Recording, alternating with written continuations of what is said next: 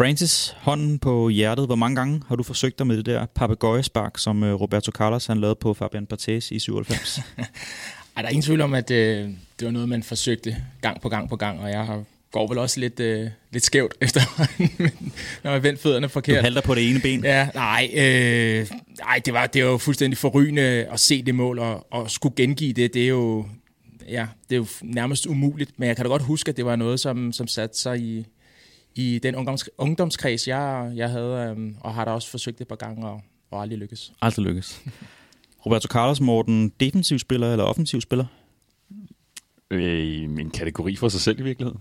Øh, det giver ikke rigtig mening, når man taler om sådan en spiller, øh, og skulle dele det mellem de her to. Øh, fordi det, det, er en, det er en anden måde at fortolke den her position på. Det er jo noget af det, der gør Roberto Carlos til så, så legendarisk en skikkelse. Måske især for sådan som mig, der er venstrebenet. Det er også. Du er også venstreben? Ja, ja. ja. Vi, så vi, et, vi, vi, vi ryger måske mere i samme kategori, end vi skal ryge i Carlos' kategori, ja. uden at jeg kender til dine fodboldfærdigheder helt indgående. Sebastian, du kan godt lide at grave i uh, fodboldhistorikken. Har du nogensinde fundet svar på, hvad han forsøgte sig med i den her VM-kvartfælde mod Danmark i, i 98? Ja da. Altså, han var jo bare en... Øh, han var jo brasserbak. Og når man er brasserbak, så forsøger man så nogle gange at klire bolden på saksespark. Det gjorde han jo faktisk i ny og næ, og rent faktisk så ramte han oftere bolden, end han ikke gjorde, når han, når han forsøgte at klire med et saksespark. Altså, han var del af en fremragende fodboldkamp dengang mod, mod Danmark, og øh, forsøgte lige at give den lidt ekstra lir.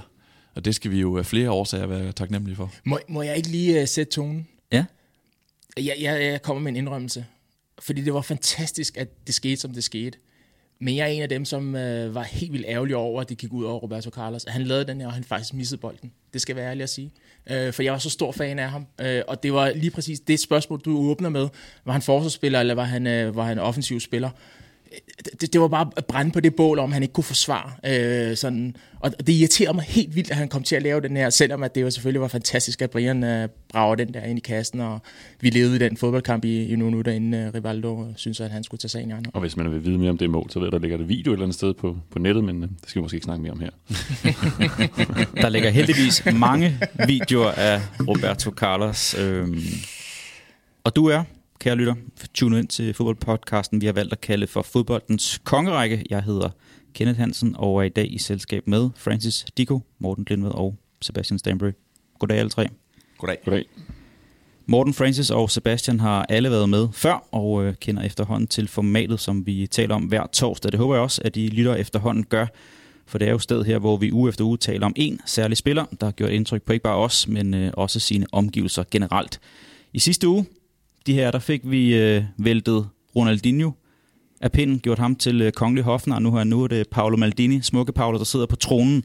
Francis, du var ikke med i sidste uge, da vi andre fik øh, fri leg. Har du gået og bandet og svoglet over vores valg? Nej. Du var, du var jo glad for Ronaldinho. Ja, og, og, og, og det, det er stadigvæk på min interne, der er han stadig etter. Øh, også efter Paolo Maldini, men, men jeg sidder ikke og bævler, banner og svogler, og øh, er kæmpe fan. Jeg havde nok placeret ham på en anden plads. Øh, vi talte lidt om det, da vi har haft øh, Fernando Hierro, øh, at jeg godt kunne finde forsvarsspillere, der jeg synes var, var bedre, øh, hvis man må tillade sig at bruge det udtryk, og der er Paolo Maldini en af dem. I dag handler det så om en øh, anden vensterbak, hvis han var vensterbak, det kan vi måske tale lidt mere om, men øh, han fik altså godt halvdelen af vores øh, stemmer, da vi smed en afstemning ud øh, torsdag Roberto Carlos, og øh, så må Cafu og Dani Alves, Morten, vente til en øh, god anden gang, hvis vi vælger at bringe dem op. Sebastian Carlos, var han din forhåndsfavorit i forhold til den her afstemning i sidste uge? Ej, jeg synes, det var tre stærke navne. Øh, Cafu er bare sådan en elskelig spiller, synes jeg som var skøn at, at se spille. Som jeg, det tænker jeg, mange vil have det på samme måde som mig. Øh, Alves er meget, meget frisk i rendringen, eftersom han faktisk ikke helt er stoppet endnu, og var også en en spiller, som rigtig mange har et forhold til, og Carlos var bare... Men måske ikke så likable, Daniel Alves, som Roberto Carlos. Det er der nok mange, der vil sige, at han ikke var i hvert fald. Øh, også fordi han var en del af et hold, som jeg tror mange havde nogle, nogle problemer imod, fordi de var så suveræne Barcelonas, øh, Guardiolas øh, fremragende Barcelona-hold. Øh, og så er der Carlos, som bare var en konstant i, igennem mere end et år ti for Real Madrid og var med til at vinde en hel masse. Så jeg synes, det var tre stærke navne. Jeg tror ikke, jeg havde regnet med, at, at Carlos ville vinde så suverænt, som han gjorde. Nej, der er åbenbart nogen derude, der godt kan lide ham og holder af ham. Og det her med, når vi til sidst i udsendelsen skal sætte ham op på kaminhylden og, og finde en placering til ham. Vi har jo talt meget om Ronaldinho, at han var jo verdensmester. Men han vandt øh, måske ikke så meget ud over det. Nå, det gjorde han også. Han, han vandt meget. Men, øh, men ikke så meget som nogle af de andre, vi har haft i forhold til hjemlige titler og sådan noget. Ham her, Roberto Carlos, han har jo hele pakken. Tre Champions League-trofæer, en VM-titel og et hav af mesterskaber også, Morten. Øh, vægter det så særlig højt, det her VM? Trofæ? Ja, det, det synes jeg. Altså, hvis du spørger os, tror jeg, alle fodboldspillere i hele verden, øh, hvad for en titel vil de helst have med sig, når de har stoppet karrieren, så, så, så tror jeg helt klart, det, det er VM. Ellers så er man i hvert fald mærkeligt skruet sammen. Altså, det, er, det, er så, det er kun hver fjerde år, det sker. Der er, ikke, der er bare færre fodboldspillere i verden, der, der opnår det, end som opnår at vinde en, Champions League-titel. Øh, så, så ja, og især når man kommer fra en af de store nationer, altså det vil jo være noget, man, det er noget, man mangler. Det er jo derfor, man hele tiden taler om Lionel Messi. Han har ikke vundet VM. Altså han spiller for en nation, som har en realistisk mulighed for at gøre det, men det er bare ikke sket endnu i hvert fald. Øh, Roberto Carlos, han spiller for Brasilien. En stor brasiliansk fodboldspiller. Han skal have en VM-titel med. Det skal Neymar også, når han på et tidspunkt stopper sin karriere. Det, det har Roberto Carlos med, så den er ligesom, øh, ligesom øh, hakket af. Men Paolo Maldini han beviste altså i sidste uge, at det godt kan lade sig gøre at tabe både øh, europæiske og øh, VM-finaler, uden at, øh, at det kommer til at koste på en øh, placering i toppen af vores øh, rangliste. Skal vi ikke lige rende igennem, hvad han er for en øh, figur, ham her, Roberto Carlos, og øh, hvad han vandt i løbet af sin karriere. Han blev født i april 73 i udkanten af Sao Paulo i Brasilien, som sagt. Så fylder han altså rundt næste år, når han øh, bliver 50 år, den gode Carlos. Og efter to mesterskaber med Palmeiras i starten af 90'erne, så gik turen til Inter. Det var med knap så stor succes, og allerede et år efter skyndte han sig til øh, Real Madrid. Og her spillede han fra 96 til 2007, var med til at vinde fire mesterskaber og tre gange Champions League med øh, madrilenerne. Efter Real Madrid, så optræder han for Fenerbahce i Tyrkiet, Corinthians i hjemlandet, og så den her lidt mærkelige ophold i Ansi i øh, Rusland. Jeg tænker, vi kommer ind på det her projekt lidt senere hen. Og så slutter han som øh, spillende manager i den indiske klub Delhi Dynamos i 2016 efter godt 25 år på øh, topplan efter debuten i Brasilien. I 2002 vandt han både Champions League med Real Madrid, VM med Brasilien, og sidst på året blev han derfor øh, kåret som øh, toer i Ballon d'Or-afstemningen. Fik jeg sagt det øh, rigtigt? Vi fik en mail i sidste uge med, at jeg har tendens til at sige Ballon Dior, altså ligesom øh, er, det, er det smykkemærket eller parfumemærket Dior. Så hermed, hermed taget til... Øh, ja, jeg har lyttet lidt på mig selv. Jeg, jeg kan godt smage det nogle gange selv, når jeg siger det. Jeg siger Ballon Dior, så nu hedder det Ballon d'Or. Øhm, der blev han altså to i 2002, og øh, han nåede at vinde prisen som årets brasilianske spiller tre gange, og blev af det internationale magasin European Sports Media placeret på årets hold hele syv gange i karrieren, og det var inden for 8 eller 9 år, så der var han ret øh, konstant i de her koringer i den årrække. Hvad falder i, øh, i øjnene hos jer?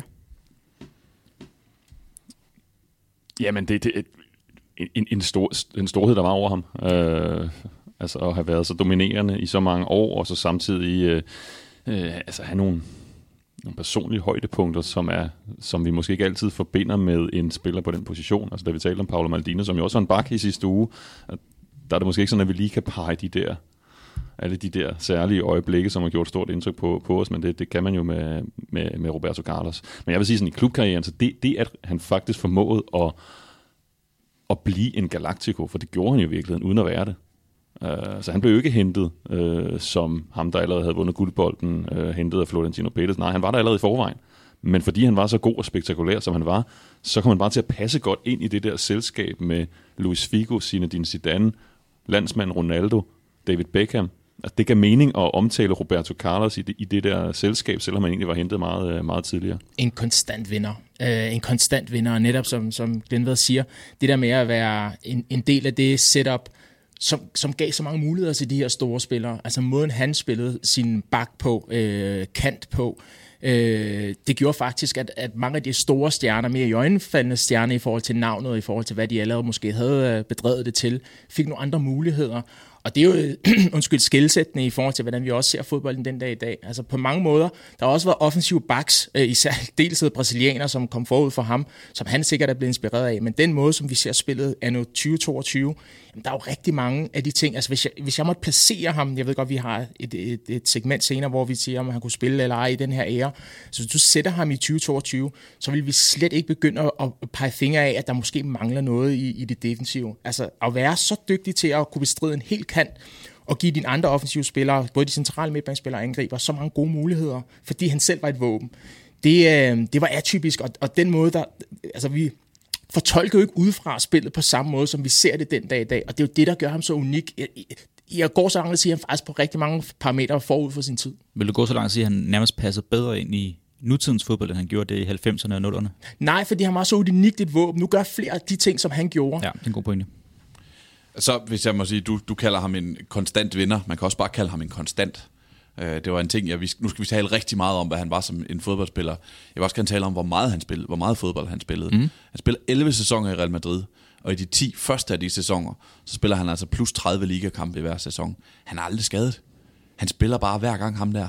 Ikke? Og det er på trods af, at han har den her eksplosivitet. Mm. På trods af, at han, når man kigger på de der lår, så tænker man, det kunne da godt være, at, at de sprang op en gang imellem. Der, der kom en lille muskelskade eller to. en muskelskade eller fiberskade eller sådan noget. Det gjorde han ikke. Han var bare første mand på holdkortet uge efter uge efter uge efter uge. Og den tid, han så var på fodboldbanen, det benyttede han så til at vinde den ene store titel efter den anden. Tror du, Del Bosque og Scolari de andre har haft travlt med at råbe til ham, husk nu at varme op, inden du øh, brager til den med 200 km i timen, at de her lovbær så lige skulle blive varme, inden han, øh, han valgte at stå og brage til den fra distancen? Nu, det står du siger, nu, du tager lige en tangent, men jeg kan huske en gang, da Thomas Graversen han har skiftet til Real Madrid, så øh, Vejlams Folkeblad tager der ned øh, for at dække Thomas, Thomas Graversens første tid i Real Madrid. Og så tiver de øh, Ole Fritsen med derned. Journalisten Morten Guldberg hiver Ole Fritsen, Thomas øh, Graversens gamle træner for Vejle, med derned, for ligesom at åbne nogle døre dernede. Og de sidder og ser Real Madrid træne, og Ole Fritsen, han raser over, at det første spillerne gør, når de kommer ind på banen, det er bare at begynde at stå og hakke på mål. øh, at de ikke varmer op overhovedet, de står bare og hakker på mål. Øh, og det er jeg sikker på, at Roberto Carlos har været en af de der gutter, som bare gik direkte ind og så tordnede bolden ind mod kassen øh, til Ole Fritzens store frustration man kan godt se det for sig, at han, øh, han kom ud i de her lidt for korte shorts, og så bare bragte til den som de første 10 minutter af opvarmningen. Du siger det her med, at han altså konstant, hvor meget fodbold han spillede, Vincent Del Bosque, øh, der var hans træner i Real Madrid i noget af tiden, siger jo også det her med, at han var afhængig af fodbold. Altså det var like a drug øh, for ham. Øh, det, det beskriver ham i meget godt, at han var så konstant, at han kunne spille hver gang, til trods for, at han havde øh, den her fysik, som han engang havde. Er der andet omkring øh, Roberto Jamen, Carlos lige her indledningsvis? Ja, jeg synes, det er interessant. Jeg følger jo rigtig meget med i, hvad andre store pundits, tidligere spillere, der siger om tidligere store spillere. Jamie Carragher og Gary Neville, de har jo det her banter, øh, de er Monday Night Football og alle mulige andre øh, ting, hvor de sidder sammen og diskuterer. Og Carragher siger jo, at en, en bak er jo en, en offensiv spiller, som er mislykkes, eller en stopper, som ikke kunne finde ud af at være stopper. Men, men historien med Roberto Carlos er jo faktisk, at hans position, selvom han også var rigtig, rigtig offensiv, i hans hoved var jo, at han gerne ville være bakken. Han ville gerne komme ned bagfra. Han ville gerne have de her lange raids. Øh, og, og, og, og der kommer jo lige præcis, da han tager til ind, der kommer der jo det her clash med Roy Hodgson, som har sit meget agent øh, 4-4-2, eller hvad det nu har været i den italienske stil, hvor det er forsvarsspil først. Øh, så der, der, der kom jo lidt, øh, må sige, der kom han lidt på kant i forhold til at sådan, skulle gå på kompromis med sine egne øh, hvad hedder det, kvaliteter øh, og mindset, og gjorde måske, at han ikke helt fik den succes, som, øh, som hans talent i virkeligheden berettigede ham til. Så det der med, at, øh, at offensive spillere normalt øh, måske mislykkes, og derfor bliver rykket tilbage på bakken, det er ikke helt sandheden med, med Roberto Carlos. Så vi har i virkeligheden i sandhed en ener i forhold til øh, at kunne drive det så højt, så han faktisk er blevet benchmark for den, for den gode bak. Jeg har altid hørt det omvendt, det her med, at det var defensive spillere, det var offensive spillere, der, der mislykkes, men der ligger Carragher åbenbart en, en ny udlægning af det. Morten? Ja, men der ligger jo lidt det her, du startede med at spørge, er han var en forsvarsspiller eller, eller angrebsspiller, ikke? Altså det, altså det, det er jo bare anderledes i Brasilien. Altså der er det, det, det, her, det er sin helt egen kategori. Altså vi er vant til, hvis vi sådan skal øh, liste en, en fodboldtrup op, øh, så er der fire kategorier. Der er målmænd, forsvarsspillere, midtbanespillere og angriber. Hvis man, hvis man gør det i Brasilien, så meget ofte, så vil du se, så er der en ekstra kategori, altså som er sin egen kategori. Det er det, der hedder laterais, altså bakker. Altså fordi man ser ikke bak. Det giver ikke mening at omtale en bak som i selskab med en, en midterforsvar. Og det er jo noget, der altså det går langt tilbage i, i sådan den brasilianske fodboldkultur, fodboldhistorie, øh, altså at den her position, den er blevet så defineret og fortolket på en, en måde, der har adskilt sig for, hvordan man har gjort det i resten af verden. Altså der kommer man helt tilbage til 1950'erne, da, da Brasilien begynder at spille deres, deres 4-2-4, hvor de offensive spillere, det er ofte nogen, der ligger sådan meget centralt på banen, mm. og så dem, der kommer ud på, på kanterne, det er bakkerne. Altså, det er jo derfor, vi har den der brasilianske kongerække. Altså man kan jo lave en hel kongerække udsendelse bare om de brasilianske bakker, øh, for, fordi at det ligesom er, at de bliver jo så inspireret af hinanden. Altså Roberto Carlos, han har jo så kunne kunne, kunne se på nogle af dem, der var der, da han, da han voksede op. Altså, det går helt tilbage til, til Nilson Santos, da de vinder i, ja. i 1958. Carlos Alberto i 1970, så kommer der op gennem 90'erne, så er det så Chinho, og det er Branco, indtil det så bliver Roberto Carlos og Cafu, der kommer til at sætte sig på, på, på de her positioner. Så det er, hvor man siger, at at jeg sådan set fra Europa, så var han måske forud for sin tid, men han var jo ikke sådan en fuldstændig atypisk brasiliansk bak. Der var han ligesom bare den næste i kongerækken, og så måske, det kan man så diskutere, var han så den allerstørste af, af alle dem, der har været. Jeg må lige gribe den i forhold til, fordi jeg, jeg troede faktisk, det skal være ærlig at sige, jeg troede faktisk, det blev Cafu, så jeg sad også og læste op på Cafu. Og han var jo faktisk en offensiv spiller, som blev rykket tilbage, fordi hans teknik i start måske ikke var den her typiske brasilianske. Hans indlægsspil var heller ikke det typiske, han skulle bruge lidt mere plads at, at løbe på og jeg er også en af dem, øh, som blev, blev, øh, blev set af en af dem, som nærmest opfandt lige præcis de her backs, som skulle komme og være en del af, af spillet, en integreret del af spillet i øvrigt. Nu tager jeg også din tangent. Kan I huske Emmanuel Eboué? Ja. Fra Arsenal, ham Ebouéaneren der. Øhm, han, havde også, han blev også hentet til Arsenal som højre kant, og blev så rykket tilbage i bakken, og så blev han egentlig eksperimenteret med at rykke tilbage til hans oprindelige position som ving, og det fungerede overhovedet ikke, fordi han ikke havde så meget plads foran, så det kan du også sætte ind i som spiller, Francis at det gjorde noget, men, men, men dermed Roberto Carlos og Cafu også modsatte side var også kendt for en gedin motor, og have den her plads foran sig, have en helt flanke og kooperere på nærmest alene, så de var jo også blevet begrænset af, hvis de skulle spille en kantposition. Ikke så meget Roberto Carlos, fordi hans acceleration var, var anderledes. Han havde motoren, det der dynamiske, det der lidt... Måske mere Cafu og Dani Alves. Ja, lidt mere ja. grynet, men, men, men Carlos, vi har lige talt om hans lov. Øh, jeg så 24 øh, inches, det er 30 cm rundt om. Altså, det er, det er fuldstændig uhørt. At de kunne, det er rigtig sprinterkrop, ikke? Altså, han kunne accelerere, så jeg tror ikke, han ville være så begrænset af det øh, i virkeligheden, men, men, men, men heldigvis vi har set ham på den måde, som han, øh, han har opereret på i, i rigtig mange år. Det er jo med de her lidt længere dybe løb. Og i øvrigt kunne dække en hel kant øh, alene det er sjovt, når man ser ham, når man ser, ser ham spille, så, så ham spille, så havde han jo mange af de der, kan man kalde det, øh, de der helt sådan simple træk, hvor han bare spiller bolden udenom en, en, en, en modstander, og så løber han selv den anden vej udenom, ikke? Fordi han netop kan accelerere, og, og, og det, det var sådan noget, jeg gjorde i skolegården, fordi jeg var en lille smule hurtigere end de andre dengang, og det var det, var det jeg kunne, ikke? Øh, det, går jo, det går jo sjældent på topplan at bare spille så simpelt og løbe udenom en spiller, og så selv løbe øh, og spille bolden den anden vej, og så finder man den, mødes man om på den anden side. Det kunne han, fordi han havde den acceleration, men samtidig så var han jo en helt blændende tekniker. Altså han, han var jo komplet i den der rolle, han havde, fordi at han, øh, han, han, kunne tæmme, han kunne drible, han kunne lige ved bolden over en modstander, øh, og, og, og han kunne løbe udenom, han kunne, han kunne tæmme med ydersiden, han kunne lave hælafleveringer, og så havde han altså bare det her tordenspark af den anden verden. Så han havde simpelthen så mange våben, øh, der gjorde, at han selv var et våben. Jeg faldt over en artikel, øh, hvor The Guardian havde lavet en undersøgelse i forbindelse med VM-slutrunden i 02, hvor de har målt hans øh, lovbasser til de her 24 inches.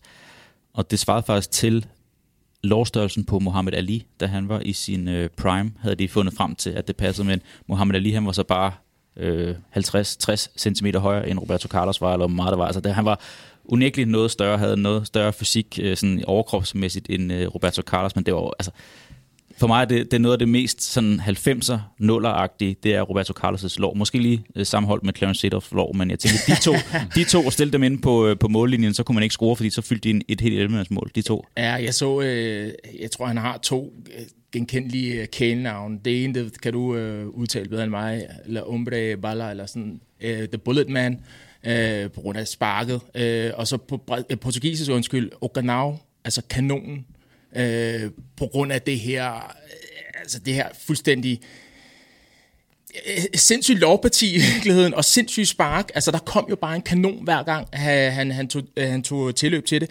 Og så ventede, øh, var der faktisk et øjeblik, hvor han faktisk ændrede det en lille smule, hvor det lige pludselig, han tog det her tilløb, og så kom der alligevel den her skruede bold. Sådan fik han også scoret et par frispark. Altså, så, så det var jo ikke bare rent kaos, det hele, rent øh, tyr, og så se, øh, hvor det er. Selvfølgelig var der teknik også over den her ydelse, som vi har talt om. Men til sidst var det jo også med indersiden. Til sidst var det også den her kølende bold henover. Og når man ser de der klip, hvor det er Zidane, David Beckham og Roberto Carlos, der står og skal gøre anslag til, til et frispark. Altså, hvad, hvad gør man som keeper? Jeg skulle ikke være målmand. Det kunne komme alle steder på alle mulige måder. Det var helt vildt. Han blev også kaldt Frankenstein. Altså som, som sådan et uh, laboratorie, øh, hvor man tænker, den her lille krop og det her kraftfulde spark og sådan noget, de her komponenter, der var sat sammen mod, det var lidt skørt, men det var også uh, uhyre effektivt. Har vi mere her indledningsvis, eller skal vi hoppe hen ja, og snakke om højdepunkter? Ja, men jeg vil sige det sidste, som, som, vi, som vi ikke lige fik nævnt hans glidende taklinger. Forsvarsspil, nu vil jeg gerne lige tage det der forsvarsspil øh, med i, i ligningen, fordi vi snakker meget om teknik, hans spark, øh, hans drev frem i banen, acceleration og de her ting. Men forsvarsmæssigt kunne der være noget i placeringerne, som gjorde, at okay, Øh, en lille smule på bagkant. Netop fordi han havde den her fart, kunne han ligesom øh, rode bod på det med hans glidende takling, og også meget, meget eksplosiv, meget, meget øh, godt timet. Også noget, som jeg har set, jeg ved ikke, om det er passé fra ham, men, men som Marcelo jo også øh, inkorporerede i sit spil, øh, især hvis han var slået. Så den her glidende takling øh, fik det til at se, se rigtig, rigtig... Øh, overlærende ud i, i virkeligheden. Øh, så, så det skal også med i, i fortællingen om øh, Roberto Carlos. Og de lange indkast. Altså, det, vi har at gøre med en brasserbak, som kunne alt med en bold, men han kunne altså også øh, altså kaste, kaste indkast, og han havde vel passet fuldstændig perfekt ind på Stoke i sådan, øh, omkring 2010-agtigt. Ikke? Øh, det, det var jo faktisk våben for Real Madrid, ikke? at du havde en spiller, som kunne kaste den så langt og så hårdt. Det, det, øh... Ham og Roy Delap. Ja, det, det, det, I hver sin side. Præcis. Det Tror du, han fik lov til at tage frisbakken i Stoke? Uh, det, ja, må ikke? Ja, det tænker jeg også. Det tænker jeg også. Altså, med Roberto Carlos, så kan du gøre et målspark til en, øh, til en offensiv dødbold, ikke? Men ja, de her glidende taklinger, den her posede hvide Real Madrid-trøje med de lange ærmer, mm. det er også noget af det, jeg husker fra min, øh, fra min ungdom foran tv-kassen. Lad os prøve at tale om høje tinder og dybe dale, og øh, hvis vi kan øremærke et højdepunkt i Roberto Carlos' karriere, vil du lægge for, Morten? Ja, der er for mig er der jo et billede, der bare kommer frem, når jeg tænker på Roberto Carlos, og det er jo selvfølgelig det her frispark. Han scorer i Lyon i 1997.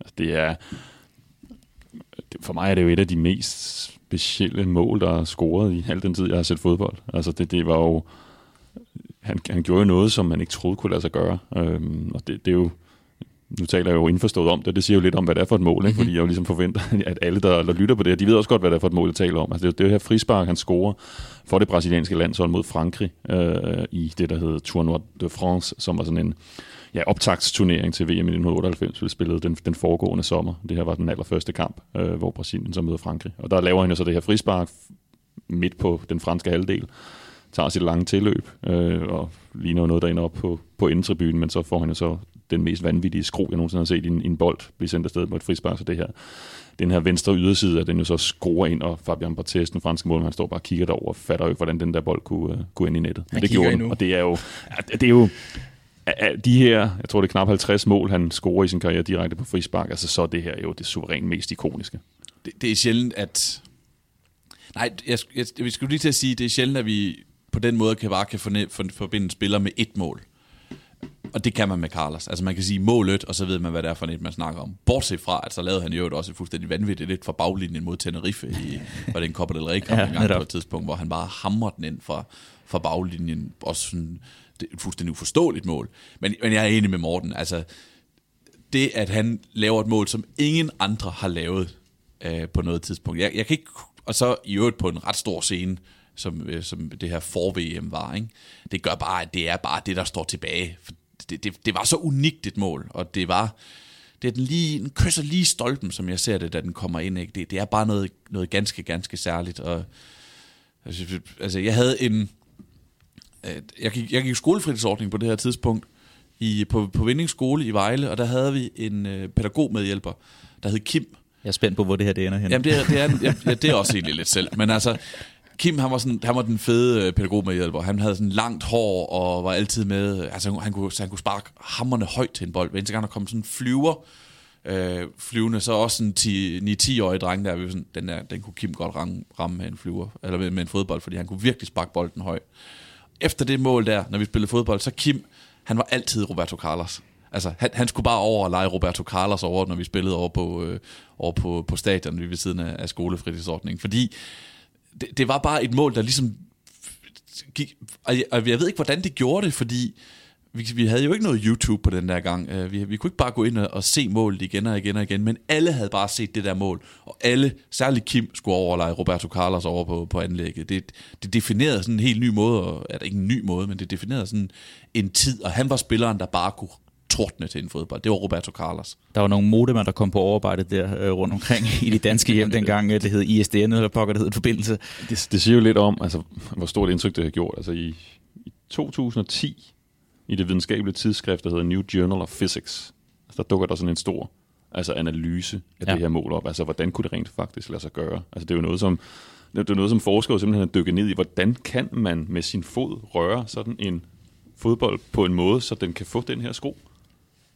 Og jeg tror, det, det, det lyder, når man sådan læser lidt op på, hvad de kommer frem til. Altså, nogle af dem, de kan ikke helt give et klart svar på det. Altså, fordi det var så unikt. Altså, senere bliver der også bliver, bliver der lavet en, en undersøgelse af det i, i Brasilien, hvor deres konklusion er, at selvfølgelig er der nogle ting i forhold til den måde, han bevæger foden, og hvad der sker, og den kurve, men i sidste ende, så er der så mange omstændigheder i hele det her mål, som går op i en enhed, så de ender med at kalde det et mirakel. Ikke? Og det er altså nogen, som som ligesom har deres øh, forsker, forskerhat på, øh, som alligevel ikke helt kan give svar på, hvordan man kan lave sådan en sko. Ikke? Og han siger jo også selv, at han, altså det, der, det, det er jo ikke noget, han bare kan gentage. Øh, så så, så det, det, det, er, det er jo et unikt mål, ikke? og selvom hver gang man ser en eller anden yderside afslutning, og så taler man om det der mål, altså, så er der jo ikke noget, der kan, der kan sammenlignes med det. Og så er det jo også heldigt for eftertiden, at der var det der kamera bagved, ikke? Altså, mm. så man rent faktisk kan se det meget, meget tydeligt, hvad der foregår. Altså det går jo ikke, at det bare har været... Den er på vej til hjørnet, man kunne se det, ikke? Den er altså, på vej til hjørnet, den Man skal bold. kunne se, hvor tydeligt og hvor meget den her skruer for, at den, den gør det her indtryk. Ja, det er det, der er så sjovt, fordi lige præcis nogle af de studier, det er, jeg mener, at jeg har set, at den er på et tidspunkt 3-4 meter ude for, for rammen, for så at ryge ind igen, ikke? Og så er der jo alle de ting, hvordan kan det lade sig gøre? Det, det, det er jo kun ham, og han har jo forsøgt at, at gøre det igen. De har jo forsøgt at lave eksperimentet, kan, kunne han gøre det igen? Øh, mig bekendt at det ikke lykkes. Men jeg har jo faktisk valgt øh, i mit hoved, det er jo faktisk det mål, du nævner på, mod Tenerife for baglinjen. Ja Øh, det, det, det, noget af det er jo selvfølgelig, eller meget af det, måske virkelig det hele, instinktivt. Altså, hvad, hvad, hvad gør man i sin situation? Den er på vej ud over, øh, og, og så skal man afslutte, eller man skal lave et indlæg. Men, men, men at lave en afslutning, det, det tænker de, de færreste, og alligevel få det til at lykkes. Det, jeg, jeg synes, det er... Um, det betyder måske ikke lige så, så meget, for det er jo ikke på den samme scene. Altså at spille mod Frankrig, øh, kaldt et for-VM. Var det ikke øh, pandang til Confederations Cup? Øh, jo, det var, det var før den, lige, ja. den var blevet indført, så det ja. var jo ja. noget, der mindede om det. Ja, øh, så selvfølgelig en større scene end, end, end den kamp mod Tenerife. Men når jeg tænker på det der, når jeg tænker på Roberto Carlos, så er det jo fuld sprint ned mod baglinjen, tyr nærmest alt, hvad du kan, men så meget kontrol. Øh, der var så meget Roberto Carlos over det, i åbent spil i hvert fald. Øh, så det er faktisk noget af det, jeg, jeg tænker på. Jeg har også det her 97 mål, altså som du siger, Morten, heldigvis, vi havde det der kamera placeret bagved, så man kunne se, altså det lignede jo bare tæs, tror at der er en bolddreng, der har bare lagt en, en bold nede i det ene målhjørne der, sådan, hvor, hvor kom det fra, reaktionen fra, fra holdkammerater og alt det her.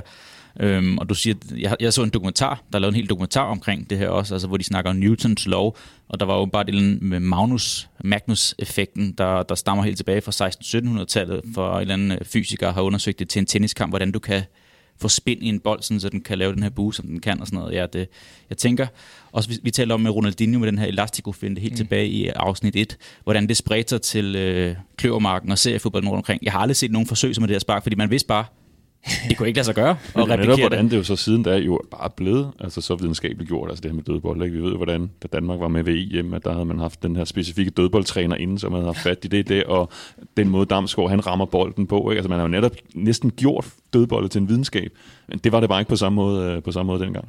Inden på hans, han har en officiel hjemmeside, og der har der ligesom en opsummering af hans, øh, af hans karriere, og den er ret vild, fordi han har lavet nogle ret vilde ting.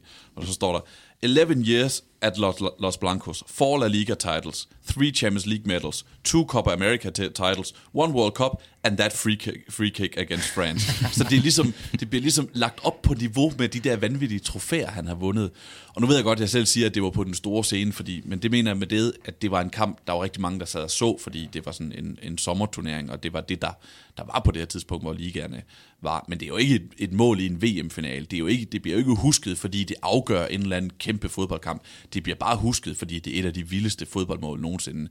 Derfor mener jeg, at det, det er hans på. Ja, og må, må, må jeg i den forbindelse, og det er jo også noget med tiden at gøre, øh, i forhold til at give det, give det en, en, en titel af det her mål, fordi havde der været Puskas Awards, så var det jo sådan et der mål. Det, den, den titel havde vi jo ikke, og, og han har lavet mange. Altså det mål, jeg taler om mod Tenerife, det er jo også en, som, som kunne give ham den her Puskas uh, Award. Det er nok også en af de mål, jeg har set. Sådan, den er top 10 over de mål, jeg har set flest gange. Ja. Det der øh, mål for baglinjen mod Tenerife ja. også. Og så, så han ville jo have haft en, en reel titel øh, på et tidspunkt i sin karriere. Det, det er utvivlsomt, hvis man kigger hans, hans mål igennem. Altså, det, er, det, det er fuldstændig unikt, hvordan han kunne, kunne ramme kuglen. Jeg synes, det var med til, det gav ham så også det her brand, altså den her status. Mm. Det her var jo ret tidligt i hans karriere. Det var jo efter hans første sæson i Real Madrid. Mm.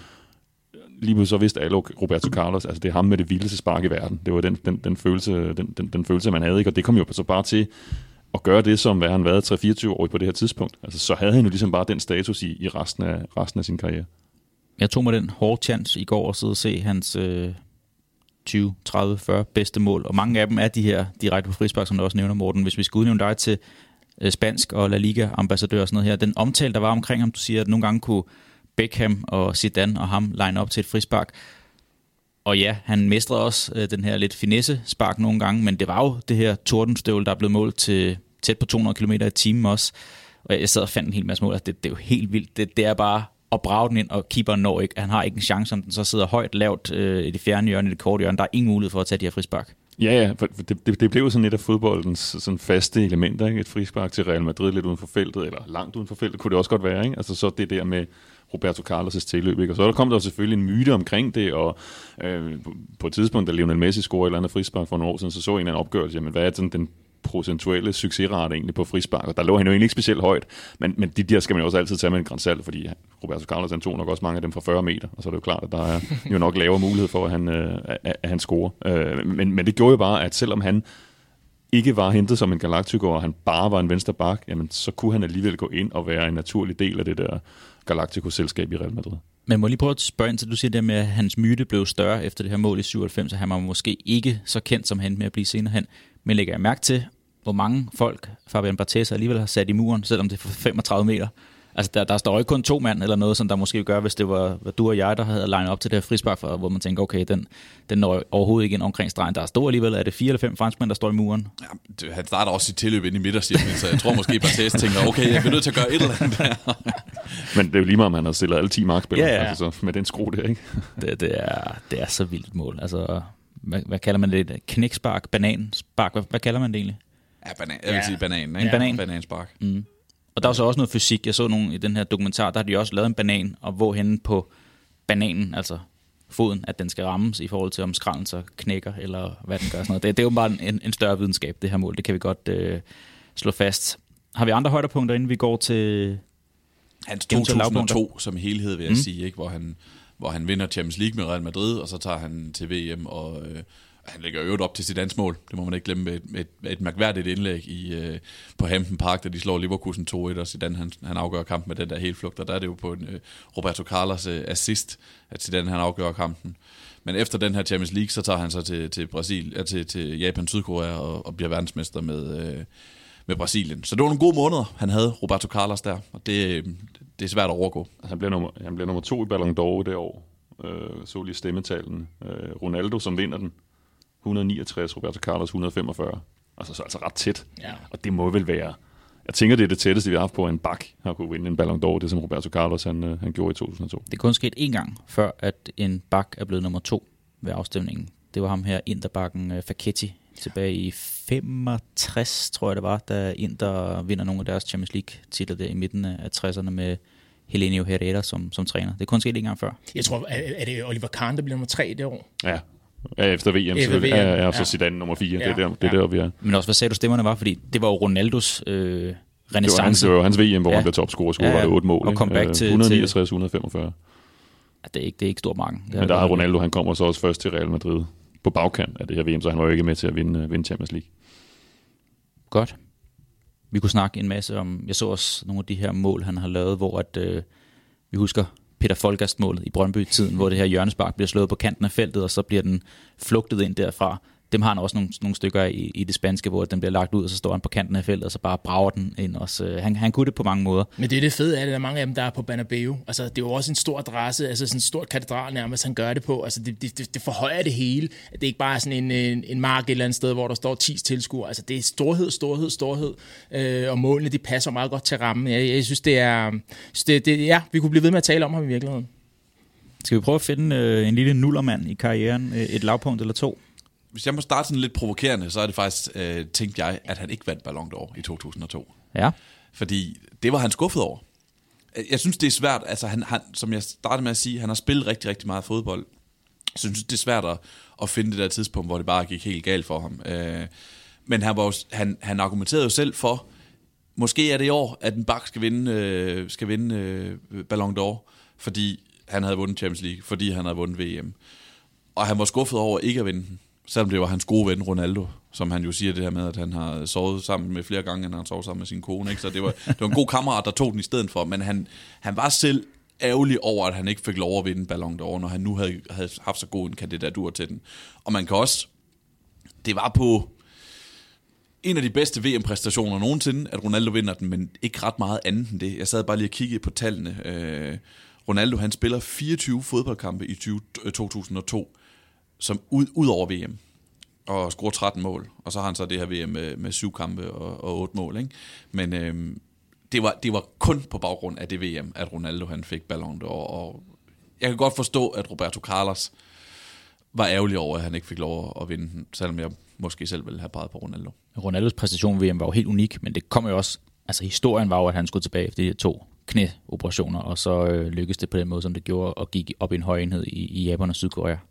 Ja, ja, og, og, det blev jo hele fortællingen om den comeback, ikke? fordi det var nok, altså det var jo ikke bare lige den sæson, altså det var jo mange år i Inter, at han havde været, altså hvor man jo frygtede for, at han nogensinde kunne komme til at, at spille fodbold igen, ikke? at han så kom op på det der niveau, så, så kom der en enormt stor sympati omkring Ronaldo. Efterfølgende så er det store skifte til, til Real Madrid, og der har der nok også ligget lidt da der skulle stemmes, skulle jeg forestille mig den der måde, han så kom ind på Real Madrid. Ikke? Altså, han, så kommer han ind i debuten, og så slår han til scoren med det samme. Ikke? Og det var jo ligesom, okay, det var den næste Galactico. Altså først fik vi Figo, så fik vi Zidane. Det giver så, me- så meget mening, at det er VM-topscorer Ronaldo, der kommer, der kommer nu. Ikke? Så på den måde, så det der efterår 2002, efter VM, der redde han jo lidt videre på den, øh, på den bølge der. Men jeg, jeg synes så, altså min ned, så det er for mig nok det næste VM. Altså det er 2006. Øh, og det er nok, jeg tror det hænger lidt sammen. Jeg, jeg, jeg havde set, de to foregående år havde jeg selv været på stadion og set Brasilien vinde store titler. Øh, først da de vandt Copa America i 2004 med sådan et, et meget ungt og eksperimenterende hold, øh, og så Confederations Cup øh, i Tyskland i 2005, hvor de smadrede Argentina med, med 4-1 i, 4 i finalen. Og det, der ligesom bare var historien om det der VM i 2006, det var den daværende landstræner, Carlos Alberto Parreira, han havde allerede vundet VM i 94, så den havde han ligesom på, på sit CV. Mange af spillerne, de havde også vundet VM i 2002, så nu var der, nu var der ikke det der vi skal bare vinde VM. Nu er der også den der følelse af, at nu skal vi også vinde VM ved at spille storslået fodbold. Altså, vi skal spille brasiliansk, fordi det var jo det, de blev kritiseret for især i 94, at ja, ja, vi vandt, men det der, det var jo ikke noget særligt spektakulært hold. Altså, nu skulle det være et, et brasiliansk VM-hold, som hele verden elskede. Øh, og der var Roberto Carlos jo ligesom bare en del af det der, ikke? det spektakulære, det storslåede, og der var den der drøm om, at det kunne være det her brasilianske hold med Roberto Carlos og Cafu som bakkerne, og så var der den der magiske firkant op foran, øh, hvor de to bagerste punkter, det var Kaká og Ronaldinho. Og så de to forreste, det var Ronaldo og Adriano, som var Adriano, der var på det tidspunkt var, altså var et monster, en angriber. Altså det, det, det lød jo som noget, der kunne blive noget af det vildeste, verden nogensinde har set, og det blev bare ikke særlig godt. Altså det der hold faldt fuldstændig igennem i det her, den her VM-slutrunde, der ender med at blive øh, ydmyget af Zinedine Zidane i kvartfinalen. Ikke? Så den der, den der ekstra storhed, øh, som de skulle have nået det, altså der, der smuldrede det lidt til sidst, ikke? og det var lidt det samme, det gjorde i, i Real Madrid på det tidspunkt. Jeg er gået en anden vej. Ja. Jeg er gået en anden vej. Jeg er gået lidt... Øh, og det, det, det, det er måske også lidt hårdt, fordi det, der er jo ikke noget bevis for det, men han blev jo rent faktisk beskyldt, øh, også efter at have vundet VM, øh, for at have brugt doping. Øh, jeg mener det tyske er det, der laver en, en dokumentar, øh, og har fat i en brasiliansk læge, som siger, at han har behandlet ham øh, over flere år, øh, og har været nødt til at, sådan, at, ligesom at, øh, og sådan, dementere alle de der, de der rygter. Det hænger også sammen med hans spillestil. Både hans kropsbygning, men også hans spillestil. Den er energiske måde, og du siger selv, at han blev målt til at kunne sparke øh, nærmest 200 km i timen, og, og alle de her ting. Øh, og det, det, selvom der ikke er, der, der er ikke nogen dom over ham, øh, så synes jeg, det er lidt, lidt ærgerligt, øh, at der har været den skygge over øh, hans karriere. Øh, fordi hvis der er noget, der vi, vi, vi værdsætter, så er det det rene spil. Øh, og der blev han altså sat i forbindelse med, med, med urent trav. Øh, og det, det, det, det, det er måske noget, som, som er lidt en plet på hans øh, integritet, eller på hans, hans, hans karriere, hvis om du vil. Men det er sjovt, at han blev målt til at løbe en 100 meter på 10,6 sekunder. Hvad er du blevet målt til? 20, Jamen, det, det kan godt slå fast, det er ret hurtigt. Ja, det er ret også, hurtigt, at, ja. Den har så også rykket sig grænsen for, hvad der er hurtigt på en 100 meter åbenbart. Nu skal man nærmest løbe 9,5 eller sådan noget, før det bliver betragtet som hurtigt. Men han, han fremstår også meget sådan, hans fysiske fremtoning som ham. Er du stærk i atletik, Sebastian? Ganske, ganske Hvad, stærk. hvad hed ham amerikaneren der, der også lignede sådan en, den der Fantastic Four granitmanden der? Han, han, han ligner lidt ham, synes jeg. Det kommer man snakke om Carl Lewis, eller Nej, nej, nej, nej, nej. senere hen. Hvad? Justin Gatlin. Nej, Ben Johnson. nej. Han canadier. Lidt, lidt, Ja. lidt, lidt lysere. Når var han amerikan? Nå, Morris Green hed han det? Morris Green, han, var, han, havde Ja. ja. verdens, han tog verdensrekorden efter Donovan Bailey med 9,79. Godt. Og det var hurtigt også. Han, han slår... Roberto Carlos kunne godt være øh, den brasilianske Morris Green, synes jeg. Jamen, det, ja, men det, det er ret nok, for der var noget med de der lår. Det lignede jo ikke... Altså, Det passer ikke til resten af kroppen. nej, jeg- nu- jeg beskylder ham jo ikke for doping, men det ser bare... det, det, der var det... Altså, jeg kan godt forstå men det der Frankenstein, som du brugte, Kenneth. Fordi det, det, ser helt, det ser helt absurd ud, så store de lår er nogle gange, når man ser billeder af ham. Altså, også for indertiden og sådan noget, hvor man tænker... Altså, hvordan, kunne, hvordan, hvordan fandt de shorts, der kunne passe det her?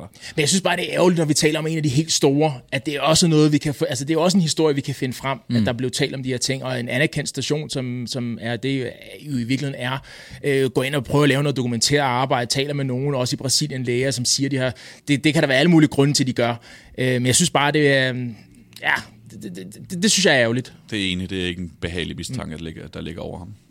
Det fyldte med en gang, det der doping-spøgelse, end det gør i fodbold nu her, synes jeg. Der var der altså selvfølgelig Maradona, kender vi med, med, med alt det der, og der var Rio Ferdinand, fik en karantæne for at udblive for en dopingtest og sådan noget. Det, det, det synes jeg ikke, man hører så meget til øh, i 2022. Der var en andrologen-bølge omkring Ja, lige præcis. årtusindskiftet Ja. også, ikke? Og så var der... Ja, italiensk fodbold var meget... Øh, der var jo de der videooptagelser, hvor Cannavaro han ligger på en, øh, på en bænk, en, en seng, eller hvad det er, en briks, øh, og får noget drop, og øh, folk begynder at sige, og det er jo normalt at få drop, det er jo slet ikke det.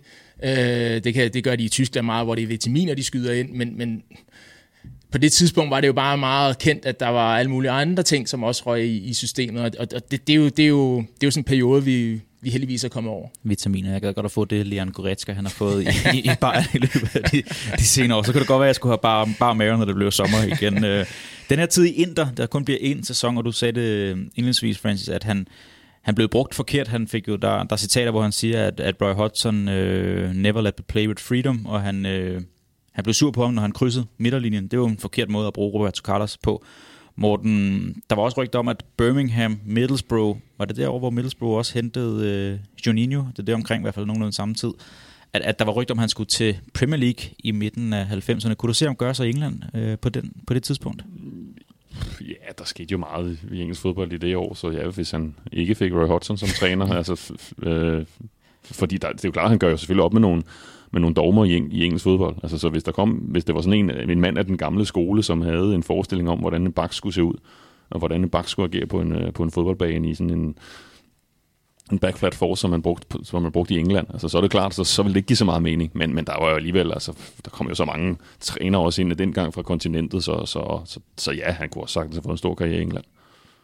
Men Det- jeg synes, det, jeg synes, det passer. Det, det giver mening, at det var i Spanien, at han, at han brillerede. Altså, Netop. en, altså et land, der, der jo har så meget tradition for, for at ville angribe og vil tænke offensivt, og hvor man mere ser det, han gav et hold offensivt, end det, der eventuelt kunne være en mangel defensivt. Hvad husker I hans sidste år for? Og jeg prøvede lige at tale lidt med Mads Junker med, med det her Indien-projekt øh, her, men det var så året før, at øh, Mads han endte med at spille i, øh, i Delhi der, at, øh, eller Mads var der året inden, og så kom Roberto Carlos, da, da Mads han, han tog hjem. Men, men jeg, jeg husker særligt det her projekt, der kom frem øh, i Rusland med det her Ansi-mandskab, som der også nåede at spille Champions League, og jeg læste lige hen over nogle, nogle transfervinduer fra 11 til 13, så er det altså Samuel Eto'o, Lassana Diarra, der også havde en, en periode i, øh, i Real Madrid også, Christopher Samba, det her store skur for Blackburn, der også endte med at spille der. Sirkov, Denisov, Viljan, Lassina Traoré var der, øh, og en hel masse andre, selvfølgelig også Roberto Carlos. Det var sådan et projekt, der kom hurtigt til vandet, og så også hurtigt øh, druknet igen. Ja, ja, der var jo kæmpe politisk interesse i at få det her til, til at blive, blive et stort projekt. Altså en klub uden, uden nogen særlig historie, og så vidt jeg, altså, så vidt jeg husker, så var det jo, det var jo sådan, at holdet, de, de, de boede og trænede i Moskva, og så når de så skulle spille hjemmekamp, så fløj de så til den her by, Machkala. Eller hvad det nu var, den hed, ikke? som lå altså langt, langt, langt, langt væk fra Moskva. Ud til vandet, ikke? Uh, nej, det tror jeg faktisk ikke. Det kan jeg ikke huske. Men, uh, men det, betyder perle, så jeg tænker jeg, det var, men så måske et flot Der er sted. sikkert også mange perler i det dag. Ja, det Øh, men men det, det, det, var jo, på den måde var det jo sådan et bizarrt projekt. Og det var jo altså, selvfølgelig noget, som havde store ja, politiske interesser. Der var øh, magthaverne i den her region, hvor, hvor klubben kom fra, der ønskede at promovere sig gennem fodbolden. Ikke? Og så hentede man de her, de her store stjerner til. det, det er jo ikke noget, vi ligesom ynder at tænke på. Men altså, det er heller ikke noget, jeg har noget problem med. Men det er jo ikke det, vi husker Roberto Carlos for. Det er jo de 11 sæsoner i Real Madrid. Ikke? Det er, at han spillede på Banabeo som, som en katedral, og, og i øvrigt gjorde den, øh, gjorde den ære ved at spille, som han gjorde. Ikke? Så det der med, at han lige skulle have øh, at han lige skulle have anti med, og det der med, at han lige skulle genoptage karrieren for at spille tre kampe for øh, Delhi Dynamos, altså det var også, det var lidt mærkværdigt. Det er jo ikke noget, det er jo ikke noget, som bør fylde noget i historien om, om Roberto Carlos. I- Hvad egentlig hverken positivt eller negativt, synes jeg. Apropos øh, Mads Juncker og Delhi Dynamos, de spiller jo sammen med Del Piero, og ham kunne vi jo godt komme til at tale om her i kongerækken. Han var der jo den, den første sæson øh, og skulle lave angelsstue, jeg skulle til at sige trio, bliver det så i virkeligheden med, med Morten Skovbo, Mads Juncker og så Del Piero. Vi laver en afstemning, hvem af de tre, vi så skal tale om. Så må vi have, have masser og Morten til, til tasterne. Men jeg, jeg tænkte også, det synes det var meget sjovt med, med Ansi-perioden, at, at han så installerer sig selv Men, på men den lå noget i centrale det der, altså han, ligesom, han blev bare ved, og det var jo sådan, han spillede. Ja, Ja, ja. Altså, det gjorde han også med karrieren. Altså, det var sådan, spiller han stadig fodbold, ham der, ikke? og det gjorde han jo. Øh, og det, altså han nåede jo, fra han forlod Real Madrid, så til en endegyldig stopper, ikke? Det går, der går jo ret mange år, og hvor man jo følte, at at han jo var færdig som topspiller, da han forlade, da han forlade Real Madrid, men det var han jo så ikke helt alligevel. Det er jo lidt som Dani Alves i virkeligheden nu, altså den der spiller, som man næsten troede, altså så lige pludselig dukker han op igen i Barcelona, selvom man troede, han, han, han var færdig. Han er jo det- 42 eller sådan noget, da han spiller over i, over i Indien. Altså, og, og det ser mærkværdigt ud, ikke? Han, han har jo stoppet karrieren på det her tidspunkt, men bliver så spillende manager, ja. ikke? Og, og kan, jo, kan jo ikke spille. Altså, så vidt jeg kan se, der er den der halvsæson, hvad man kan se, der er, eller den sæson, de spiller, er der 15 kampe, og han spiller tre af dem, og en af dem er fra start. Så han, han, han var jo færdig, han kunne jo ikke mere, men han skulle lige... Men det er sjovt, fordi der er mange af de der legender, der, der gør det, brasilianske legender. Rivaldo gjorde det også længe, øh, jeg ved ikke om det er Kazakhstan. Uzbekistan, tror jeg, det var, Uzbekistan, ja. Afrika, Roberto. Angola på et tidspunkt, Ja, Rivaldo. ja. Ser Roberto spillede også længe øh, i øvrigt, hvis man skal se en, en 50-årig mand, der apropos det der med at tage trøjen af. Han får vitaminer fra Bayern, Altså, tror han får vitaminer fra Bayern, det er helt sikkert. øh, som også blev ved med at spille længe. Jeg ved ikke om, øh, om altså, altså langt fra deres prime, altså deres bedste fodboldalder og, og bedste øh, periode i deres, i deres karriere, men det er med, om det er kærligheden til fodbolden. Jeg, jeg, jeg, det er svært for mig at forklare, hvorfor man bliver ved så længe, og så nogle obskure steder øh, i øvrigt. Han er jo begyndt til kampsport, siger Roberto. Ja. Jeg så, han havde lagt op på sin øh, Instagram hans daglige training routine. Og der kan du altså ikke være med, Francis. Ej, det. Men jeg ved, nu ved jeg så heller ikke, om hans karriere er færdig, Roberto Carlos. Han genoptog den faktisk i år, Nå ja, fandt jeg ud af. Fedt. ja det så jeg. Der var et af de store, de store transfers i januar, at, øh, at Roberto Carlos han havde lavet en aftale om, at han skulle spille for øh, en engelsk klub, som han, han kom jo faktisk til, til, til engelsk fodbold. Han skulle spille for et, et, det var sådan et Sunday League pophold, der hed Bull in the Barn.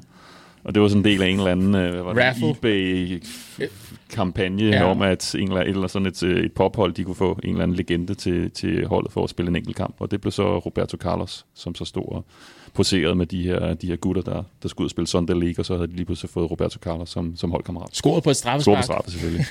Man, man har ikke indtryk af, at han er vanskelig til at forstå. Nej, det er nemlig det, til de ikke? her ting. Nej, han, altså, han, han lever, han er stadig del af hele det her omrejsende cirkus. Altså, det er også nu, når, jeg, når jeg kommer til at fodbold på, på Bernabeu, så plejer jeg også, hvis jeg kigger mig bagover, så står Jorge Valdano i den ene kabine bag mig, og på den anden side, så står Roberto Carlos. Altså, han er, altså, han er jo sådan en, der altid er til stede, ikke? og når der er en slutrunde, jeg forventer det også, når der er VM senere, på, så er han der da sikkert. Altså, så ser man ham der sikkert i en eller anden ekspertkommentator, rolle, ambassadør, eller hvad i alverden det nu, nu måtte være. Ikke? Altså, han er jo sådan blevet del af hele fodboldmiljøets folklore. Der var også et andet hold i England, der havde gjort noget, at de skulle se, hvor mange af de her KF'er, de kunne samle, og så se, hvor langt de kunne nå i FA Cup, når de begyndte fra den aller, aller, aller første runde, hvor der har været 500 nogen og 50 mandskaber med, eller sådan noget. Men, øh, jeg, Jeg har, set det, jeg har set et klip, også sociale medier selvfølgelig, et klip fra Sunday League, hvor Kaká spiller med. Hvor han er, han, er, altså, han er helt forrygende. De klip der, han er helt, helt, helt outstanding. Han var jo en outstanding fodboldspiller. I øvrigt det, vi, vi godt kunne tale om her. Øh, laver nogle forrygende ting, hvor man tænker, okay, altså hvis de har det, så har de det. Altså, så, så, så bliver det ved. Han har sådan et uh, træf med venstreben, Ja. ja. som var Roberto Carlos værdig, hvor han bare går forbi en mand, og så Hammer hamrer han op i krogen. Ja. Har jeg også set de billeder af Totti, der spiller indendørs tilbage i, nede i Rom? Det er Ja. også, der, der drøner han også til. Han, han- spiller den altså ikke, når han får den. Og så, så ender det med en scoring, og så kan de øh, modstandere give den op i midten igen. Alt, alt kan ske, altså nu har vi jo lige set, jeg har lige set Michael Esiensko spille Ja. ja. veteranfodbold for min Ja. ja. barndomsklub, ikke? så alt er muligt åbenbart i den her fodboldverden. Alt er muligt. Skal vi tale om lidt øh, wiki-viden, inden vi skal have placeret ham og også sat ham ind i en øh, nutidig kontekst? Er I faldet over et andet øh, interessant, sjovt, ud over lovbassens størrelse, vi har talt om indtil videre? Ja, altså, og det er jo ren øh, se og hør segmentet det her, men han har altså 11 børn med syv forskellige kvinder. det er altså Okay, ret jeg, jeg, jeg har læst en opgørelse til 8, men du har så Nå, okay, fundet, jeg- du har så jeg- fundet tre jeg- yderligere. Ja, Ja, jeg okay. har også fundet uh, de, de 11. Ja, okay. Hvilket måske også siger noget om, hvorfor han er til at få til at stille op, når der skal, Ja, der skal nogle penge på bordet. topspiller ud, og skal reklameres for Saudi-Arabien. Han er der ikke, når der skal skiftes en blæ. Så, så spiller han for Der et var, der var faktisk en, en sag mod på et tidspunkt, at han ikke betalte de børnepenge, Ja. han skulle til, Ja. ja. til, til noget af det her. Ikke? Så, øhm, så der, der er i hvert fald nok at se. Men det synes jeg er vildt, altså. Men apropos det der med børnepenge, Morten, jeg har også læst, at en af hans så mange ekskoner havde han indgået et forlig med, så han har betalt hende 36.000 dollar per måned. For ligesom at sige, du tager dig af børnene, jeg tager mig af, af det andet her. Det er alligevel også en chat penge. Det er mere, end man skal betale i børnepenge herhjemme i Danmark i hvert fald. Det må man sige. Øh, inde på hans Wikipedia-profil, jeg synes, det var meget sjovt. Det siger noget om det, at der er sådan en lille boks, hvor man kan trykke, hvis man vil se alle navnene på, på børnene. det, det, det, fylder så meget, at det er, sådan, det er sådan et ekstra tilvalg, man skal gøre sig, hvis man vil få dem. Så jeg, jeg har alle navnene, men jeg, jeg vil ikke uh, læse dem op, for det tager for lang tid. Ja, det er også nogle lange navne, mange af dem. Ja, det er sådan noget Giovanni da Silva Rocha. Der er også sådan en Roberto Carlo Juniors da Silva Rocha. Men altså, han, er jo, han dukker bare op mange steder. Uh, altså, jeg kan huske, jeg var i, jeg var i Australien i 2017 for at lave en masse forskellige, uh, forskellige op, opgaver der, og tale med Jesper Olsen og Thomas Sørensen, og på et tidspunkt er jeg også ude at tale med sådan en præsident for en af de her en, lokal klub, det handler meget om hvad, ja, noget af det historiske. Og det, der var specielt ved den her klub af Roberto Carlos, det var, at nogle måneder forinden, der var Roberto Carlos blevet præsenteret som den kommende cheftræner for den her klub, South Melbourne, som er sådan den mest historiske klub i, øh, i, i Australien. Og det var sådan en del af en kampagne om, at den her gamle, øh, gamle klub, som ikke var, hvad den havde været, at den skulle ligesom ind i den her nye, moderne A-League, som man jo har skabt i, i australsk fodbold. Og der skulle de gøre alt muligt for at gøre sig, gøre sig til, gøre sig attraktiv og promovere sig selv. Og der havde man så lavet det her stunt, ikke? Og det var jo netop et stunt. Og det er jo ligesom også det, han bliver brugt lidt som. Altså fordi alle i hele verden, vi ved jo, hvem Roberto Carlos er, ikke? Altså hvis man skal have sådan en, en legende fra fortiden, altså hvis man kan få fat i ham der, ikke? Det er da, så bliver det da ikke meget bedre. Øh, så der stod han så og poserede og var klar til at tale om de store udfordringer. Han glædede sig så meget til at blive del af det her projekt, men de blev aldrig lukket ind i, i A-League, så han blev aldrig cheftræner for den her, den her australske klub. Men det kan da være, at han har fået lidt håndører for det, så han kunne betale sine børnepenge næste måned. Ja, hvis det er 36.000 dollars om måneden, så skal Præcis. der stadigvæk arbejdes nu efter en karriere han virker til at have haft et, et stort forbrug, fordi en anden, en anden pussy kuriositet, jeg fandt over, det var, at øh, nu snakker vi om det der med, at de, det var lidt Lasse Færre med Real Madrid-spillerne, der nok bare hamrede på mål øh, til træning. Han, han har også givet et interview, hvor han fortæller om, at når de, sådan lidt snart de havde fri, så var det bare et rand af privatjets, øh, som fragtede dem rundt til alle mulige steder i verden, hvor de skulle hen. Og Roberto Carlos, han håbede altid, at de skulle spille lørdag, for så havde de fri søndag og skulle først træne igen mandag. Og så strøg han altså direkte i lufthavnen for at tage et privatfly for at se Formel 1. Han, øh, han, øh, han var begejstret for Formel 1, og øh, fløj rundt i hele verden for at se øh, Formel 1 på de der træningsfri dage der. Ja, det ligger jo ofte som søndagen, Grand Ja, der, så præcis. det passede jo... Det kan være, han havde indflydelse på det. Det kan du noget til, Morten, hvordan der er indflydelse til, hvornår at øh, de store hold skal spille i Spanien. Du nævnte det her, Sebastian, med hvordan pokker han kunne få stængerne ned i de her shorts, og det må kræve nogle specielle shorts. Han sagde jo faktisk øh, i et interview, at, øh, at det var svært at finde de her trousers. Øh, han spillede også oftest med, at man kunne se de her øh, shorts, der var inde under selve shortsene også, der var, der var synlige.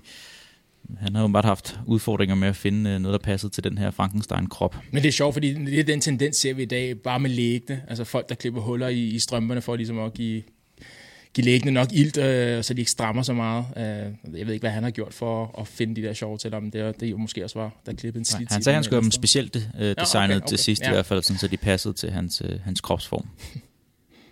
Skal vi hoppe en tur i tidsmaskinen? Må jeg lige komme en sidste ting? Ja, jeg synes gerne. bare, det var sjovt med den her Frankrig-kamp, øh, at der- den, det der berømte mål, at det bliver jo 1-1, og målscoren for Frankrig er en Karlsruhe-spiller, der hedder Mark Keller, som jeg har glemt alt om. At han, han havde så også præg på den her kamp. Der er bare ikke nogen, der ligesom husker det. Og ham, der dømmer frisparket, som øh, Roberto Carlos så hammer i mål, det er Kim Milton, der er dommer i den her kamp. Det var godt, han gjorde det. Ja, det var nemlig rigtig fint, at han lige dømt det frispark. Han var i vælten Kim i de år, øh, også slutrunden efterfølgende. Meget ofte i Frankrig, Ja. ja. vi konstatere. Ja. Dygtig dommer. Lad os hoppe i tidsmaskinen. Vi har talt om det også på et tidspunkt, hvordan han ville passe ind i moderne fodbold. Der blev vi måske enige om, at var han forud for sin tid, eller hvad, men man kunne sagtens se ham spille en rolle i, øh, i fodbolden anno 2022. Ja, absolut. Øh, Jeg ser mange af de her dynamiske typer. Øh, Det er svært for mig at lige at, at- at smide en spiller på, som er, er, er lige præcis det samme, fordi der er det, det med målene, og så det med, med målene for, for standardsituationer, altså for direkte frispark. Og det hårde spark, det er Og ikke. det Altså, hårde det, det, spark, det, det, det en- synes jeg virkelig er, det er en unik ting, men altså typerne ser vi jo i dag, altså sådan en Andy Robertson, som vi ser for Liverpool, er jo sådan en, som rigtig gerne vil angribe, og ser de baksene får større og større rolle. Uh, Alfonso Davis er en anden, det er nogle andre staturer, uh, Alfonso Davis, måske lidt mere atletisk også, men, men har ikke det samme spark. Uh, altså, der er ingen tvivl om, at den rigtige aftager var Marcelo øh, for mig. Men han har heller ikke det spark. Man har et, en ganske habil teknik. Havde også acceleration, da han var aller, allerbedst. Måske ikke lige så hurtigt på topfarten. Øh, teknikken og måden, man, man, man spiller bakken på. Og har vundet de samme ting stort set. Så, um, Men man kunne bedre se Marcelo blive en, en Pep Guardiola-bak end Roberto Carlos, ikke? I Ja. forhold til at gå ind i banen og Ja. tage det lidt aktivt spil. Altså- var han teknisk god nok til det, Carlos? ja, det, det, det, Det synes jeg, han var. Ja, det var han jo måske nok, men jeg synes, hans, hans, hans spidskompetencer var meget mere tydelige på, på, på det andet. Men jeg tror, at teknisk vil han ikke falde igennem på nogen måde. Jeg tror også godt, han ville have kunnet det, ikke? men det er også det, jeg tænker, det er jo ligesom den, altså den forskel, der er nu, altså hvor de her bakker, der bliver stillet nogle andre krav, ikke? så den der, som, altså, som man tænker Roberto Carlos, altså ham, der bare kommer flyvende ud på, på kanten, altså der, der skal de jo ofte kunne, kunne lidt andet, ikke? men der synes jeg så, det var ret fascinerende at se, da Daniel Alves kom tilbage til Barcelona i vinter, altså lige pludselig, så så man Daniel Alves, når Barcelona havde bolden, så trådte han op på den centrale midtbane Ja. og lå og var spilfordeler. Så han tog det ligesom på sig. Han var i stand til at fortolke sig selv ind i en, i en ny tid. Måske også fordi han ikke helt havde den samme, det samme overskud til at komme, komme drønende ud på kanten. Ikke? Så på den måde, altså det, det, det, jeg tænker godt, han kunne have gjort det, øh, Roberto Carlos. At Det, det synes jeg, han var, det var han jo så god en spiller til, at, at han, han, øh, han sagtens skulle have formået det. Han kalder jo selv Marcelo, altså som hans værdige aftager, og fremhæver mig også måske som historiens bedste venstre bak. I sidste uge der sagde Anela, at på et tidspunkt var Maldini både verdens bedste venstre bak og verdens bedste midterforsvar. Men hvor har I Roberto Carlos hen i det her hierarki i forhold til at være historiens bedste venstre bak? Han sidder ved bordet. Øh, Maldini sidder ved bordet selvfølgelig. Øh, om han så sidder ved bordenden, det, det kan vi sidde og diskutere. Og As- Ashley Cole også? Nej, øh, jeg har Philip Lahm. ja. Jeg har Philip Lahm siddende ved det bord. Øh, også selvom han, han spillede fejlvendt. Øh, det kan vi tale om. Jeg synes faktisk, det er en, vi, vi bør tale om. Det er en, jeg godt kunne finde på at vælge. Men, men om, Du har nævnt mange navne i dag, du skal have med på bordet. Ja, nå, men der har vi jo heldigvis været beriget med at se nogle af de, de aller, allerbedste. Øh, jeg, jeg, jeg, jeg tror godt, han, altså, jeg, på en god dag, så kunne jeg godt få ham til at vippe, øh, vippe med pinden som venstre bak. Og så rykke Maldini i midterforsvaret. Ja. Mm. Altså, de, jeg tror i hvert fald i Brasilien kunne de godt tænke sig at smide ham ind i en tidsmaskine og få ham frem i en ny tid. Fordi den der kongerække af brasilianske bakker, den er lidt, den er lidt tørret ud faktisk. Øh, og, og, det er jo en, det er jo en kæmpe udfordring for dem. Altså, det var jo, dengang var det jo naturligt, at følte man at når Roberto Carlos, når han var ved at, at, at falde for alderen i Real Madrid, jamen, så var det jo meget oplagt, så kigger de mod Brasilien og finder, hvem skal så tage over? Og så kommer Marcelo lige ind. De har jo faktisk et halvt år, hvor de når at spille, spille sammen, inden Roberto Carlos så forlader Real Madrid. Øh, Men nu, altså nu er det altså ikke, nu er det altså ikke det samme. Altså da Brasilien spillede en testkamp mod Ghana forleden, det var Eder Militao, der spillede højre bak. Mm. Altså det godt nok langt fra at være en Cafu eller er Roberto? Carlos. Venstreback, det var Alex Tejes, som lige nu spiller i Sevilla på, på lån, hvor man heller ikke tænker, det der, det er jo ikke, altså, det er jo ikke værdigt at tale dem med i det der selskab med Roberto Carlos, Cafu, Marcelo, Dani Alves, Branco, Carlos Alberto, Også Nelson. Santos, når man går der tilbage. Ikke? Og det, men det er bare, på et tidspunkt, så tog man det bare for givet. Ikke? Altså dengang, dengang Dani Alves var bedst, der var han altså ikke selvskrevet på det brasilianske landshold, fordi de havde også lige Maicon øh, som i mange år faktisk var foran, var foran Daniel Alves i, i, det der, i det der hierarki. Altså der havde de, der havde de jo nogle år, der havde de de to bedste højrebakker i verden. Men jeg synes, det er interessant netop på den der kongerække, fordi de har jo også haft, du nævner Marcelo, altså de har jo lige et vakuum, hvor det er Michel Bastos, vi, vi skal huske ham, som også er nede og vi karrierer der i en periode, eller var, var, var den udvalgte der. Øh, og vi ser også nu selvfølgelig Alex Telles, men også uh, Alexandro. Øh, og Philip Lewis også og, i en årrække, ikke? Ja, nej, men jeg tænker på, hedder han ikke, hedder han ikke Alexandro? Altså, jo, Alexandro, jo, jo, jo. jo. Øh, som, som, som, og de ligger og kæmper om det, og det er jo ikke det er jo ikke Marcelo, det er jo ikke Roberto Carlos, det er jo ikke alle de her verdenskendte øh, og i øvrigt øh, dekorerede baks. Øh, det, det, det må vi jo sige. Så på den måde, så, øh, så bliver de ikke verdensmester. breaking? Nej, det gør de. Ja, det er det, også breaking. Det, det, det, det, det er også breaking, hvis du, du, du melder den op nu her. Interessant.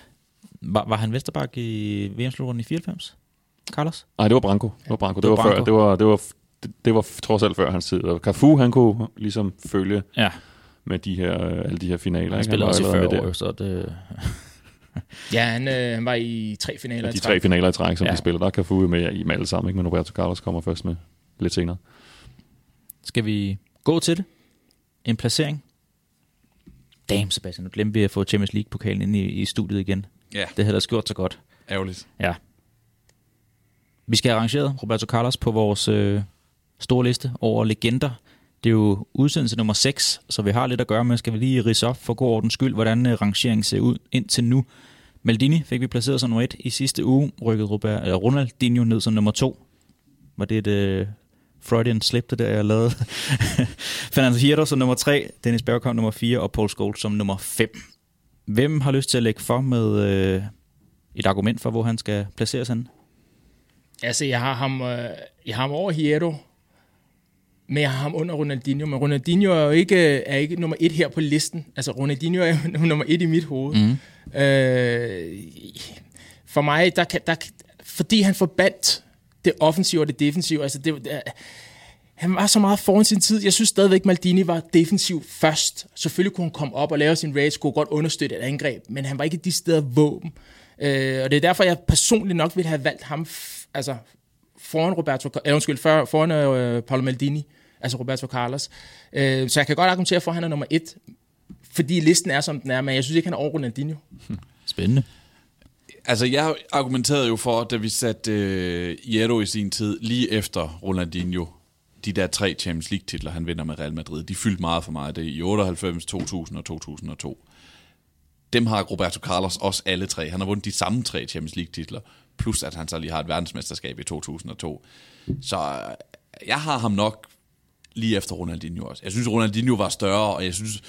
Øh, ja, jeg synes, Ronaldinho var større, og, og, og Carlos, nogle gange har jeg også siddet og tænkt, at man kunne bringe ham ud af fatning defensivt han var en dygtig forsvarsspiller, som Francis også øh, påpeger. Man kunne også nogle gange bringe ham ud af fatning, hvis man, hvis man havde en, en dygtig spiller. Og nogle gange kom man til at se, en sjældent gang kom man til at se en lille smule øh, øh, klodset, eller, eller øh, uopmærksom, uopmærksom er det mm. rigtige ord, ud defensivt.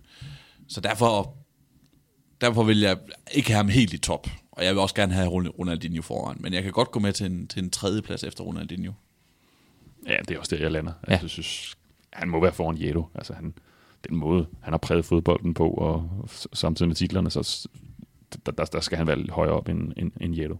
Også bare det der med, at vi siger, at han blev kendt for det her mål, men han blev, altså, det er der ikke nogen, der kunne kopiere sidenhen, men der er jo heller ikke nogen, der kunne kopiere hans spilstil. Altså, han er helt unik, så selvfølgelig skal han, han være med på podiet, synes jeg også. Og hvem i dag, jeg, synes, jeg har faktisk siddet og tænkt på det, hvem i dag er kendt for at sparke hårdt til en fodbold?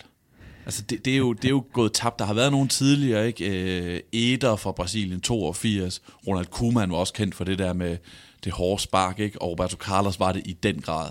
Men der er jo ikke nogen i dag, der ligesom er kendt for bare at sparke rigtig, rigtig hårdt til en fodbold. Det, det skulle det, være Cristiano på en eller anden måde, ikke? Ja, eller Zlatan, Zlatan måske, måske, men det er jo ikke det, man sådan, ligesom tænker på, når man ser dem og tænker, det er ham, der sparker hårdt. Det gjorde man med Roberto Carlos. Ja. Det synes jeg er charmerende, at han, at han at han havde noget, der var unikt for ham, øh, eller i hvert fald som, som han nok tog med sig, da han stoppede. Er der virkelig en, der har et usædvanligt tungt spark i moderne fodbold? Det er der måske ikke. Altså, jeg tænker Zlatan. Ja. Øh, jeg ved ikke, hvor hårdt han sparker nu som, som plus 40-årig, men, øh, men han, han, han har lavet nogle vilde mål, men, men igen, man tænker jo ikke på, når du tænker på Zlatan, tænker du ikke, Øj, hvor han sparker hårdt. Nej. Det er ikke Ja, det, det er sjovt, er øh, også en venstrebenspiller. Jeg kom til at tænke på lige pludselig, da I sagde det. Lukas Podolski, han havde også Ja, lidt, det var en øh, hammer også, Det var det er sådan en rigtig hammer. Ja. Jeg kan godt købe ind på, at vi placerer Roberto Carlos som nummer tre, og så hedder podiet altså Paolo Maldini, Ronaldinho og Roberto Carlos. Det er meget pænt. Og så rykker de andre gradvist længere og længere ned, men det er jo selvfølgelig udviklingen i den her øh, programrække. Ja, fordi jeg, jeg har allerede et problem med, at uh, Paul Scholes ligger nummer, hvad ligger nu? Nummer 6? Han ligger nummer Han ligger 6 sidst, og ja, nummer det har 6. jeg et problem med. Det har jeg også. Ja. Han har ikke noget verdensmesterskab. Nej, det er det er åbenbart det, rigtigt, det, det er Sebastians øh, uh, argument, der overruler alt, at øh, man skal åbenbart have verdensmesterskab øh, øh, Det trækker op, som Morten også siger. Det er det, det er det, de alle sammen vil vinde. Ikke? Så dem, der har vundet det, det skal vi også huske at belønne dem for. Belønne dem for. Vi skal have rouletten ud at køre. Vi skal have kloden til at dreje. Sebastian, du har fået til opgave at udpege tre navne til næste uges udsendelse. Ja, og vi har... Øh, jeg synes, vi har været meget sådan... Øh, latino-inspireret. Altså, der er nogle brasser, og så er der lige en spanier, og mange har spillet sådan rundt, om, øh, rundt omkring nede i de der klubber også. Og sådan. Nu, nu vil jeg godt have, at vi skal være nordisk. Mm. Så nu skal vi have, nu skal vi have, for nu skal vi kigge på de nordiske lande. Så jeg har taget en spiller fra nogle nordiske, eller tre spillere fra nordiske lande. Tre forskellige. Tre forskellige nordiske lande. Fedt. Henke Larsson fra Sverige, Ole Gunnar Solskjaer fra Norge, og Jari Litmanen fra Finland. Uh. Sådan. Uh, Det, det gør så godt. Mm. Ja, det bliver interessant. ja det, det bliver fedt. Jeg har en personlig favorit. Hvad med jer? Nej, det har jeg sådan set ikke. Altså, altså, jeg plejer altid at spille Hollandskortet. Øh, altså lidt man inde i, i Ajax, det er... Henke i Feyenoord. Åh, Henke, i ja, Henke i Feyenoord, men det, ja, det er rigtigt. Øhm, jeg har måske nok en favorit, men jeg kunne godt tænke mig, siger jeg bare, ikke for at lægge pres på folk, dog, jeg kunne godt tænke mig at tale om Henke. Men stadigvæk, når jeg, nu tog jeg, lige, jeg er Litmanen, Finlands største fodboldspiller nogensinde. Mm. Det er de to andre jo så ikke. I deres respektive lande. Heller ikke i Finland. Heller ikke i Finland. Men altså, den, Solskjaer er jo ikke... Ja, vi kan diskutere, hvor stor, hvor stor han er. Det kan man så gøre, hvis det, hvis det bliver ham. Ikke? Men han er i hvert fald ved at blive overgået af, af en aktuel spiller. Og, og Henke, der var jo også den, han spillede ved siden af i angrebet i rigtig mange kampe. Ja. Der, der er vist ikke nogen, der er, uden at være ekspert i finsk fodbold. Jeg tænker ikke, der er nogen, der sådan kan komme op og true jeg lidt med det, Jeg det tror, er man der skal grave, grave Det er der dybt i hvert fald, for at Ja, finde nogen, der der, er større hvis, vi, hvis vi kommer til at snakke om Litman, så skal vi også tale om nogle enormt meget høje placeringer i Ballon d'Or, som der ingen finske øh, fodboldspillere nogensinde har været i nærheden af. Så nej, det, det, det er ret nok, der er en, der er den største i, i sit land, og så er der to, der, der bare var rigtig gode. Jeg kender ikke andre end Tim Spauer og Michael Forsell. Timo Pukki fik også Timo lavet Pukki, han har jo selvfølgelig også lavet nogle Jeg siger bare, og det er uden at påvirke øh, afstemningen overhovedet, at hvis det bliver Jarl Edmund, så skal jeg ud og finde den der Champions League-trøje, som øh, Ajax vinder i, hvad er det 95? 95. Ja, den er så fed. Der var han også fed. Mm. Han er fed, Jarl Edmund. Og så påvirker jeg ikke afstemningen mere overhovedet. God valg, Sebastian. Det er altså øh, slaget, der skal slås mellem øh, Henke Larsson, Ole Gunnar Solskjaer og Jarl Edmund i den kommende uge. Det bliver fedt. Glæder vi os til. Skal vi ikke sige tak for i dag? Tak for det. Tak for det. Selv tak.